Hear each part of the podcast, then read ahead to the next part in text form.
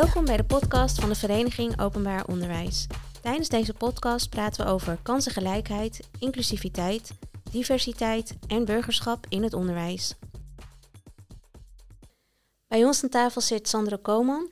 Sandro is opgegroeid in een huishouden waar minder geld te besteden was. Hier heeft hij veel herinneringen aan overgehouden, positief en negatief.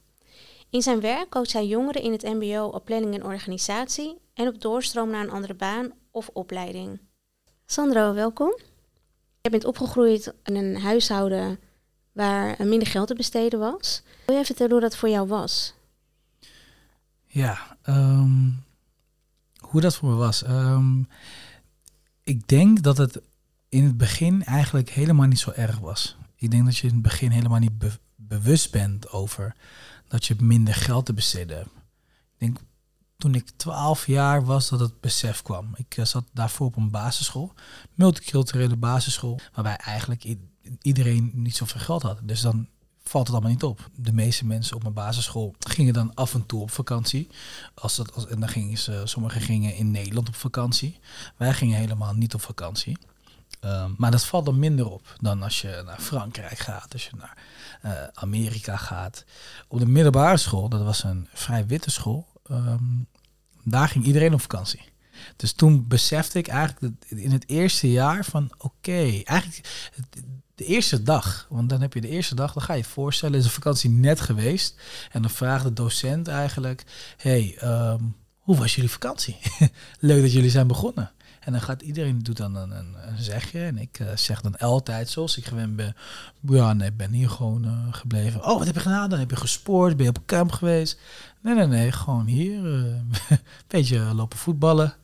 Buiten. En that's it. Dus, dus dat werd denk, heel erg ingevuld al. Waar je uit kon kiezen wat je gedaan klopt. zou hebben. Zeker. Wat ook niet hielp is, ik zat op een school in Amsterdam-Zuid. Uh, de middelbare school. Het was uh, ook best wel typisch daarvan. Het is heel uh, kenmerkend van iedereen gaat op vakantie. Dat is best wel de norm. Als het niet één keer is, als het niet twee keer is. maar ja, het wordt heel, heel ingevuld. Dat is ook hetgeen wat ik wil meegeven. Van wees er bewust van. Wees bewust van wat je vraagt. ik denk dat je de vraag beter eigenlijk ook kan omdraaien van um, wat heb je gedaan? En daarop, daarop doorgaan. In plaats van het invullen. Wat deed het met jou als zo'n gesprek op gang kwam na de vakantie? Ja, ik denk, ik, ehm, ik denk dat het in het eerste jaar werd me heel duidelijk van, oh, ik heb echt minder geld. Ehm, toen vond ik het nog niet erg. Pas dat jaar erop, was volgens mij de tweede klas, vond ik het erg. Want toen kregen mensen geld om naar de Albert Heijn te gaan en om, om dingetjes, uh, broodjes te halen in de pauzes. En toen dacht ik van oké, nee, dit, dit wil ik niet. Dit is niet oké. Want ik moet altijd aan mensen dingetjes vragen. Als ik, want ik wil het natuurlijk ook gewoon. Ik wil ook een, een lekkere broodje. Dat wil ik ook. Lekker. Geniet ik wel van. Maar dat, eh, dat geld hebben we niet. Ik denk dat dat het voortrekt was voor mij om te gaan werken. Als snel. Dus ik begon al met Krantenwijk was ik 13 volgens mij, bijna 14. En dat ging ik eerst heel loyaal doen. Tot de jongens in mijn buurt zeiden van, nou, je kunt gewoon weggooien. Dus ging het weggooien. en dat was heel snel weer ontslagen. uh, en toen ging ik bij de Albert Heijn werken.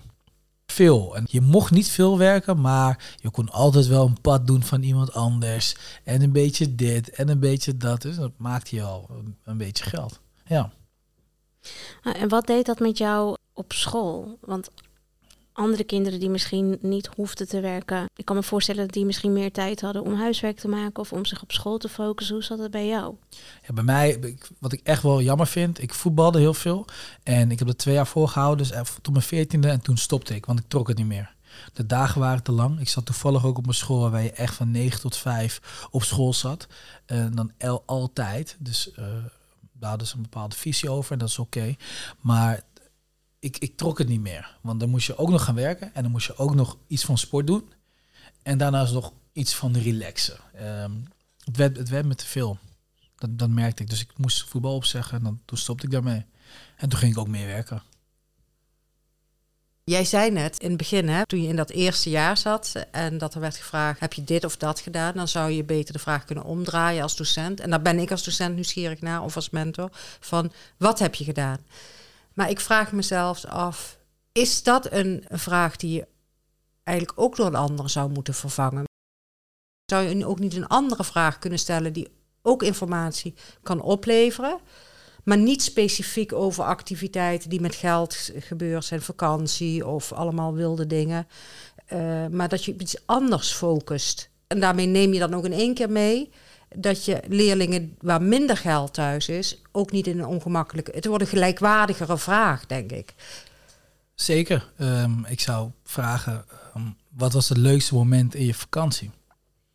Um, ik denk dat je tal, tal vragen kan verzinnen waarbij je dus niet die focus legt op een activiteit. Want de activiteit op zich is niet per se leuk.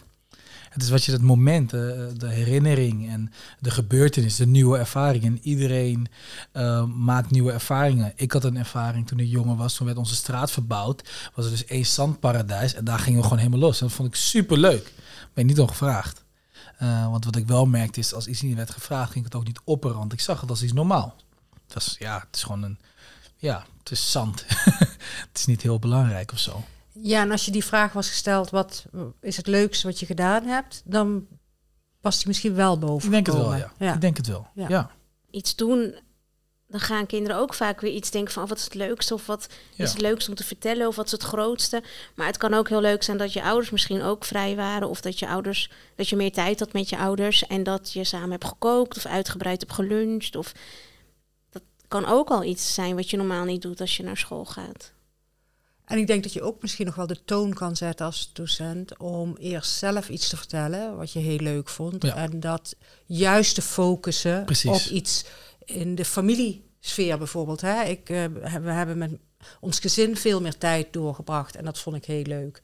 En daarmee geef je ook al een stukje richting aan. In plaats van dat je zegt, ja, ik ben naar Turkije geweest in ons appartement en... Uh, wat ik meestal wel doe, maar waar ik nu dan over nadenk, dat ik denk van ja, je, ik kan ook een hele andere invalshoek waarmee je een bepaald uh, pad inslaat al voor die leerlingen. Ja, klopt. Ik, ik had bijvoorbeeld een docent uh, die, gaf, die zei uh, een keer, ik heb echt heerlijk gewandeld in het bos. En ik denk, wat in het bos? Hoezo dan? En dan ging hij daarover vertellen. En aan het einde van het verhaal kwam erachter dat ik ergens in Rusland was. Maar dat was helemaal niet, van, helemaal niet de bedoeling. Ja. Maar dat, je, je kan natuurlijk zo erg inzoomen. Um, en dat kunnen, dat kunnen uh, kinderen, uh, jongeren kunnen dat ook. Die kunnen ook zo inzoomen. En ik denk hoe ouder je wordt, dat steeds meer weggaat, dat inzoomen. Dat je lekker algemeen laat. Maar ik denk dat dat, dat, dat mij wel erg zou hebben geholpen als we, als we zouden inzoomen. Je vertelde ook dat, uh, dat jouw schooladvies heel erg afhing van de situatie thuis. Ja, en dat je daardoor heel erg je best hebt moeten doen zelf. Ja. Om te doen wat je eigenlijk wilde doen. Klopt. Ik heb uh, het, uh, het, advies gekregen, leerweg, ondersteuning, uh, VMBO kader of basis. En mijn score was VMBO THAVO. En dat was dus afhankelijk van, zo, ja, een grote discrepantie, maar dat was afhankelijk van mijn situatie thuis. Ja, we waren bekend, oftewel berucht, het probleemgezin tussen haakjes. En uiteindelijk ben ik gewoon naar die middelbare school gegaan. Heb ik gezegd van, nou, dit is de situatie. Ik wil hier graag op school zitten. En toen hebben zij tegen mij gezegd, ja, dat kan. Uh, kom maar, we gaan het proberen. Dat, ja, dat, dat zat in hun, in hun, hun visie. Ja. En dat was een school waar je de kans kreeg om HAVO te doen tegen het advies in. Klopt. Het was eerst uh, eh, VMT HAVO was dan één klas. Uh, ze hadden dan twee niveaus één klas. En dat heb ik toen, toen drie jaar gedaan. En eigenlijk na drie jaar heel veel stress eigenlijk. Want door ook mijn situatie thuis, uh, was het gewoon best wel moeilijk voor mij. Uh, heb ik toen toch gekozen om de VMBT te doen en daarna ook nog de HAVO. Ze hadden daar de zesjarige HAVO, dus dat kon ook gewoon. Dat, ik liep gewoon best wel gelijk met de rest. Kan je wat meer vertellen over welke stress jou dat opleverde? Nou, ik, wat ik, ik, ik werd al heel snel volwassen. Als ik nu zo terug mag kijken. Ik denk dat ik toen ik net 15 was, dacht ik van oké, ik moet het echt regelen, want uh, thuis lukt het niet. Mijn moeder had ernstige klachten aan de rug. Toen de tijd was het van ja, we kunnen je niet helpen. Dus ze was gewoon heel overbelast. En ze kreeg niet de zorg omdat ze niet konden, konden vinden van hé, hey, wat, wat is er nou aan de hand? Um, waardoor ik heel snel het gevoel kreeg van, oh, ik moet dingen gaan doen. Ik moet gaan werken. Ik moet geld gaan verdienen. Er moet iets van stabiliteit thuis zijn. Want dat was er niet. En moet eerlijk zeggen, ik, wil mijn moeder erg bedanken. Want ze heeft het altijd wel voor elkaar gekregen om hier en daar wat potjes. Ik kon dan weer uh, gaan voetballen of een andere sport gaan doen. Uh, ik, ik, kon dan uh, met, met kennissen mee naar het pretpark of zo. Dus daar, ik vond het fijn. Ja, dat heeft ze heel goed gedaan. Ze heeft het beste ervan gemaakt. Maar het gevoel van verantwoordelijkheid, van oh, dat geld is belangrijk. Ehm, en vanaf 16 zei ik tegen mijn moeder, oh, als je geld nodig hebt, kan je, kan je wat geld krijgen. Nou, dat weigerde ze per definitie. Maar dan kocht ik gewoon dingetjes, boodschappen en, en uh, ja, zaken of dingetjes voor mezelf, zodat we als gezin niet belast werden. En wat voor consequenties had dat bijvoorbeeld voor jou op een schooldag? Hè? Probeer me dan als docent in te beelden van wat voor momenten zijn er? Kan je dingen herinneren waar je had gewild dat een docent of een mentor meer oog voor had gehad, dat het voor jou lastiger was? Ja, uh, het elk jaar opnieuw een agenda moeten kopen. Uh, het elk jaar opnieuw schriften moeten kopen. Dat was echt, echt wel lastig voor mij. Uh, de agenda vooral. De agenda was 10 euro of zo, misschien wel 15 euro, want je wilt wel een mooie. Ik wist helemaal niet hoe ik een agenda moest gebruiken, dus dat was de hele grap. Maar dus het ging ook vaak fout. Dan heb ik mijn agenda, pakje drinken, gaat bij elkaar, agenda helemaal vies. Um, maar dan moet je weer een, nieuwe agenda. En dan had ik vaak had ik gewoon van die kleine agenda's die ze dan bij de gemeente of zo kreeg, kon je zo'n kleine agenda krijgen. En dan had ik dat soort, dat soort dingetjes. En dat was wel lastig, want iedereen had mooie agenda's, wist goed hoe ze ze moesten gebruiken. Dus elk jaar loop je daar tegenaan. En ook het computerwerk doen, het verslagjes maken, het printen bijvoorbeeld. Ik heb een tijdje echt bijna in een uh, internetcafé geleefd. Want bij, bij, mijn vader had ik helemaal, ik heb een tijdje bij mijn vader gewoond, had ik geen computer. Dat was veel later gekomen. Dus ik was gewoon in een internetcafé. En dat is lastig. Want je, hebt gewoon, je, je betaalt natuurlijk tijd voor, uh, je betaalt natuurlijk geld voor tijd. uh, dus dan moet je het heel snel doen. En voor het printen ook nog. En natuurlijk. voor het printen, zeker, zeker. En ik heb ook soms op een punt dacht van, nou, ik kan liever bij, bij klasgenoten gaan doen. Dat is veel goedkoper. Dan heb ik dat gedaan. Maar daar ben je dan allemaal mee bezig. Ja, ja dat bedoel ik ook. En als je inderdaad uh, in de meeste gezinnen is die zorgen en stress, hoef je helemaal niet mee bezig te houden. Want dat is gewoon, dat is gewoon vanzelfsprekend een soort basis. Ja. Ja, en ik, moet eerlijk bekennen, daar wil ik echt wel de gemeente Amsterdam voor bedanken. Zij kwamen er met die initiatief van een gratis computer als je een typecursus doet. Nou, dat had ik gedaan. Ik was, ik was mega blij, want ik had ik een computer, kon ik, gaan, kon ik gaan typen, dan kon ik alles gaan doen. Had ik nog geen Word, maar dat heb je natuurlijk ook nodig. Maar dan kregen we dan via via, hadden we dan wel iets geregeld. Uh, maar het is constant overleven. Ik denk vanaf dus mijn mijn veertiende ben ik daar steeds meer bewust van geworden. Waardoor ik vanuit tussen mijn veertiende en de 17 ben ik gigantisch veranderd. Van best wel kinderlijk naar heel serieus. Van oh, de 18 komt eraan. Dan moet ik mijn eigen financiën gaan regelen. Uh, ik moet nu klaar zijn. Ik moet nu ready zijn om dat aan te kunnen. Want er gaan kosten aankomen. Ja, en ook een heel groot verantwoordelijkheidsgevoel hoor ik. Ja. Want je gaf ook uh, aan eerder dat je een mobiele telefoon had waar je zelf voor had gespaard. Ja, klopt. En dat je die dan in moest leveren in de klas, maar dat wilde je eigenlijk niet. Per definitie niet. Nee, zeker niet. Ik was super blij. Ik had een Samsung uitklapbare telefoon. Ik was er echt blij mee. En iedereen zat natuurlijk gewoon op hun telefoon uh, vervelend te doen. Nou, dat, dat, dat deed ik amper. Ik zeg niet dat ik het niet deed. Ik deed het amper. En toen kwam opeens de regel, je moet het inleveren. Nou, toen gaf ik eigenlijk aan van, nou is goed. Maar zijn jullie dan ook verzekerd voor mijn toestel? Want als het stuk gaat, dan wil ik wel een nieuw toestel. Of we leggen hem ergens neer zodat ik hem kan zien, maar anders ga ik het niet doen. En nou, toen, uh, toen hebben we een hele discussie gehad. En uiteindelijk mocht ik gewoon mijn telefoon houden. Maar het is wel heel interessant om te horen, ook als mentor, als je, want wij hebben van die telefoontassen. En dan wil je dat snel uh, regelen, in regels schieten en dat geeft rust. Tenminste, ik gebruik ze niet, maar collega's van mij wel. En, dan, uh, en dat werkt heel goed. Maar ik kan me voorstellen als één leerling zegt, ja, ik doe het niet. Dan zit je met de rest die het ook niet wil doen. Dus dan ga je toch vrij snel, ja, gewoon erin. Ja. Terwijl als je dit perspectief hoort, dan kan dat een hele andere vibe geven. In plaats van dat je denkt, ja, iemand wil zijn telefoon niet inleveren. Als docent denkt dan altijd aan hele andere redenen. Ja. ja en dit is wel uh, goed om te, je daarvan bewust te zijn dat dat een hele legitieme reden is.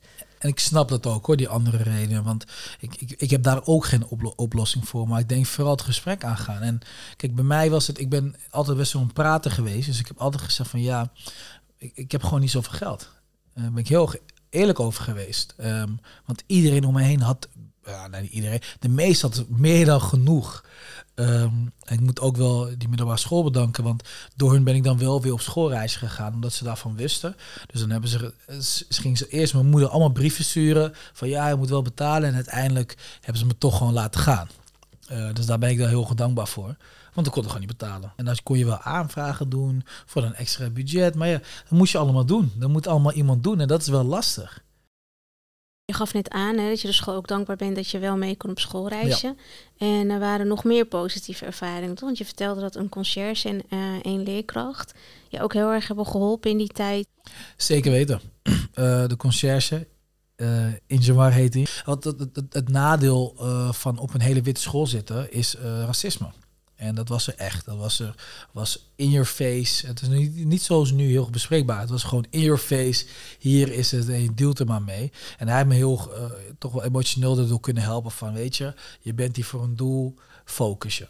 Dus dat vond ik, ja, ik vond het echt heel, heel mooi dat hij dat heeft kunnen doen voor mij. En de tweede docent, die heeft echt voor me gevochten bij, bij de, de, leren, eh, de, de studentbesprekingen. Van nee, deze jongen echt zo van de hand, moet wat meer begrip tonen. Uh, en ja, dat, dat heeft wel gewerkt uiteindelijk. Dat is heel positief, zeker. Zeker, daar ben ik heel dankbaar om. Want ik heb ook andere studenten gezien die dat niet hadden. En die zijn ook van school gestuurd.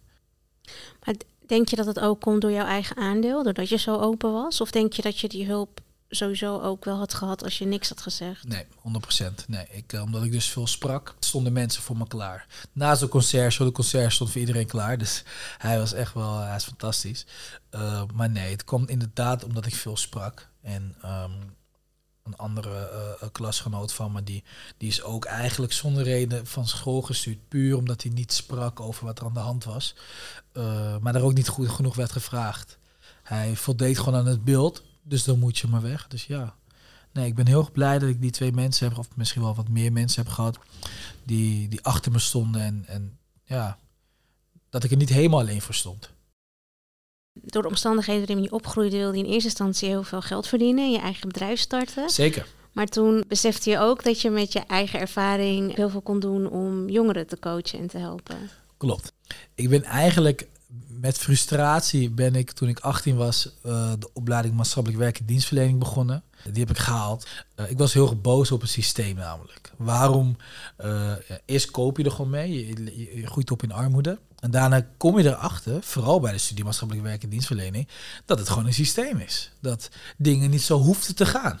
Dat ze keuzes hebben gemaakt. En met die frustratie ben ik zo door mijn opleiding gegaan. En op een punt kwam ik, uh, ik denk in mijn derde jaar, dat ik dacht van nee, ik ga het allemaal veranderen. Heb ik veel samengewerkt met de gemeente, heb ik veel samengewerkt met, met jongeren, uh, veel dat contact. Veel zeggen van hé, hey, ik, ik, begrijp het, ik, ik, ik, ik, ik snap waar je doorheen bent gegaan, uh, maar er, er, is nog meer. En wat bedoel je precies met het is een systeem en er worden keuzes gemaakt? Ja, um, vooral als we praten over armoede. Kijk, ehm, als je bijvoorbeeld kijkt naar de vijf grootste uh, schuldeisers, dat zijn alle vijf overheidsinstanties. Dat is een systeem. Dan zou je dus kunnen kijken van, hoe ga je dat inrichten? Um, bij ons was het heel erg, wij waren een probleemgezin. Wij hadden een, een, een, een titel. En daar, daarbij horen de, de schulden. Je kan er ook op inzetten van, oké, eh, als we nu jullie wat meer ruimte geven, hè, wat gebeurt er dan? Waarom worden dezelfde fouten misschien gemaakt? Of wat zou je nog willen kunnen leren? En ik denk dat je daarvoor moet kiezen als, als, als, als samenleving. Ga kijken hoe kan je mensen de juiste vaardigheden leren. In plaats van zitten op die boetes. Vooral als, je de, als er vijf grootste, uh, vijf grootste schuldeisers, uh, zeg maar, overheidsinstanties zijn. Dan kan je dat dus bij heel veel mensen wel doen. Uh, en, en dat, is dat, dat is dat systeem wat ik bedoel. Van hé, hey, er worden keuzes gemaakt. Wij kiezen ervoor om incassos te sturen in plaats van hulpverleners. Het is een keus. En snap je, daar kwam die frustratie vandaan. Ja, dus je had liever gezien dat jouw ouders ook meer geholpen werden zodat er op de lange termijn ook minder problemen zouden zijn. En dat had natuurlijk ook weer effect dan op jou gehad. Zeker weten. Zeker weten. En we werden wel geholpen, maar alles was gescheiden. Hè? Dus je hebt, uh, je hebt de hulpverlening en je hebt uh, um, de mensen die helpen met budgetcoaches. En je hebt mensen die je fysiek, uh, sorry, die medische, de medische gedeelte. Dus alles, je, bent met, je hebt met zoveel mensen te maken. Ik moet wel een kanttekening maken. Tegenwoordig hebben ze dat veel meer integraler gemaakt. Dus dat is echt wel goed. Maar ik zie het toch nog steeds wel bij schulden. En dat, dat nog steeds het systeem is van oké, je, bent de, je bent een dader. Jij doet iets verkeerds hier en jij wordt gestraft.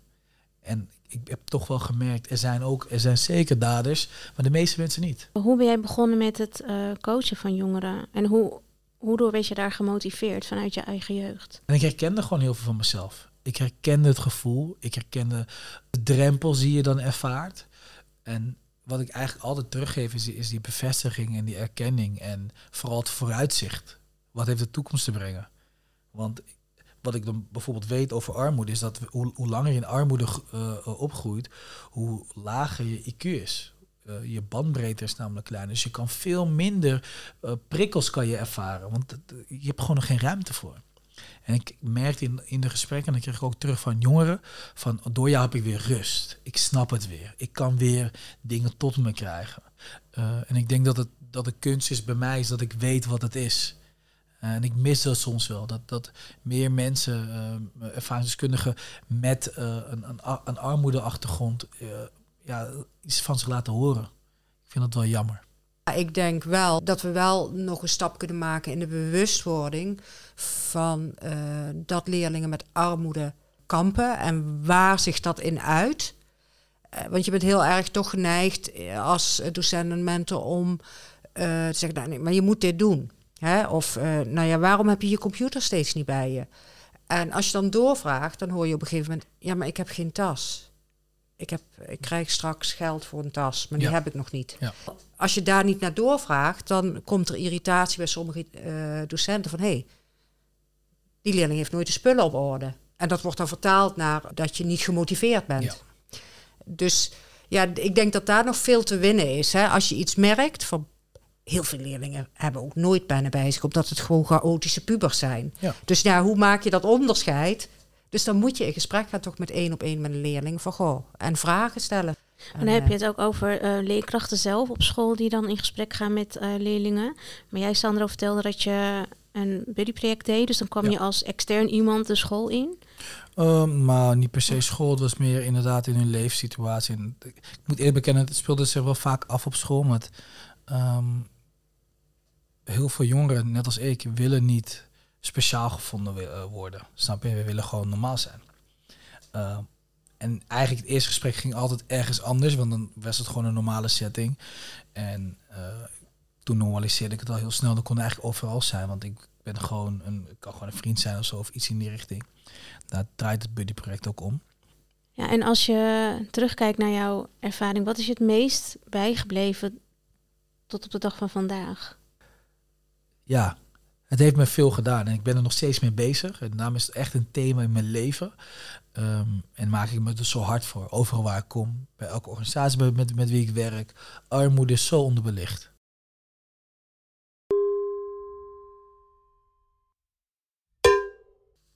Alle tips en websites uit deze aflevering zijn te vinden op onze website www.voo.nl/podcast. Mocht je geïnspireerd zijn en zelf aan de slag willen gaan of andere tips willen delen, neem dan contact op via voo.voo.nl. En op openbaaronderwijs.nu staat allerlei lesmateriaal dat je direct kunt gebruiken. Tot de volgende keer!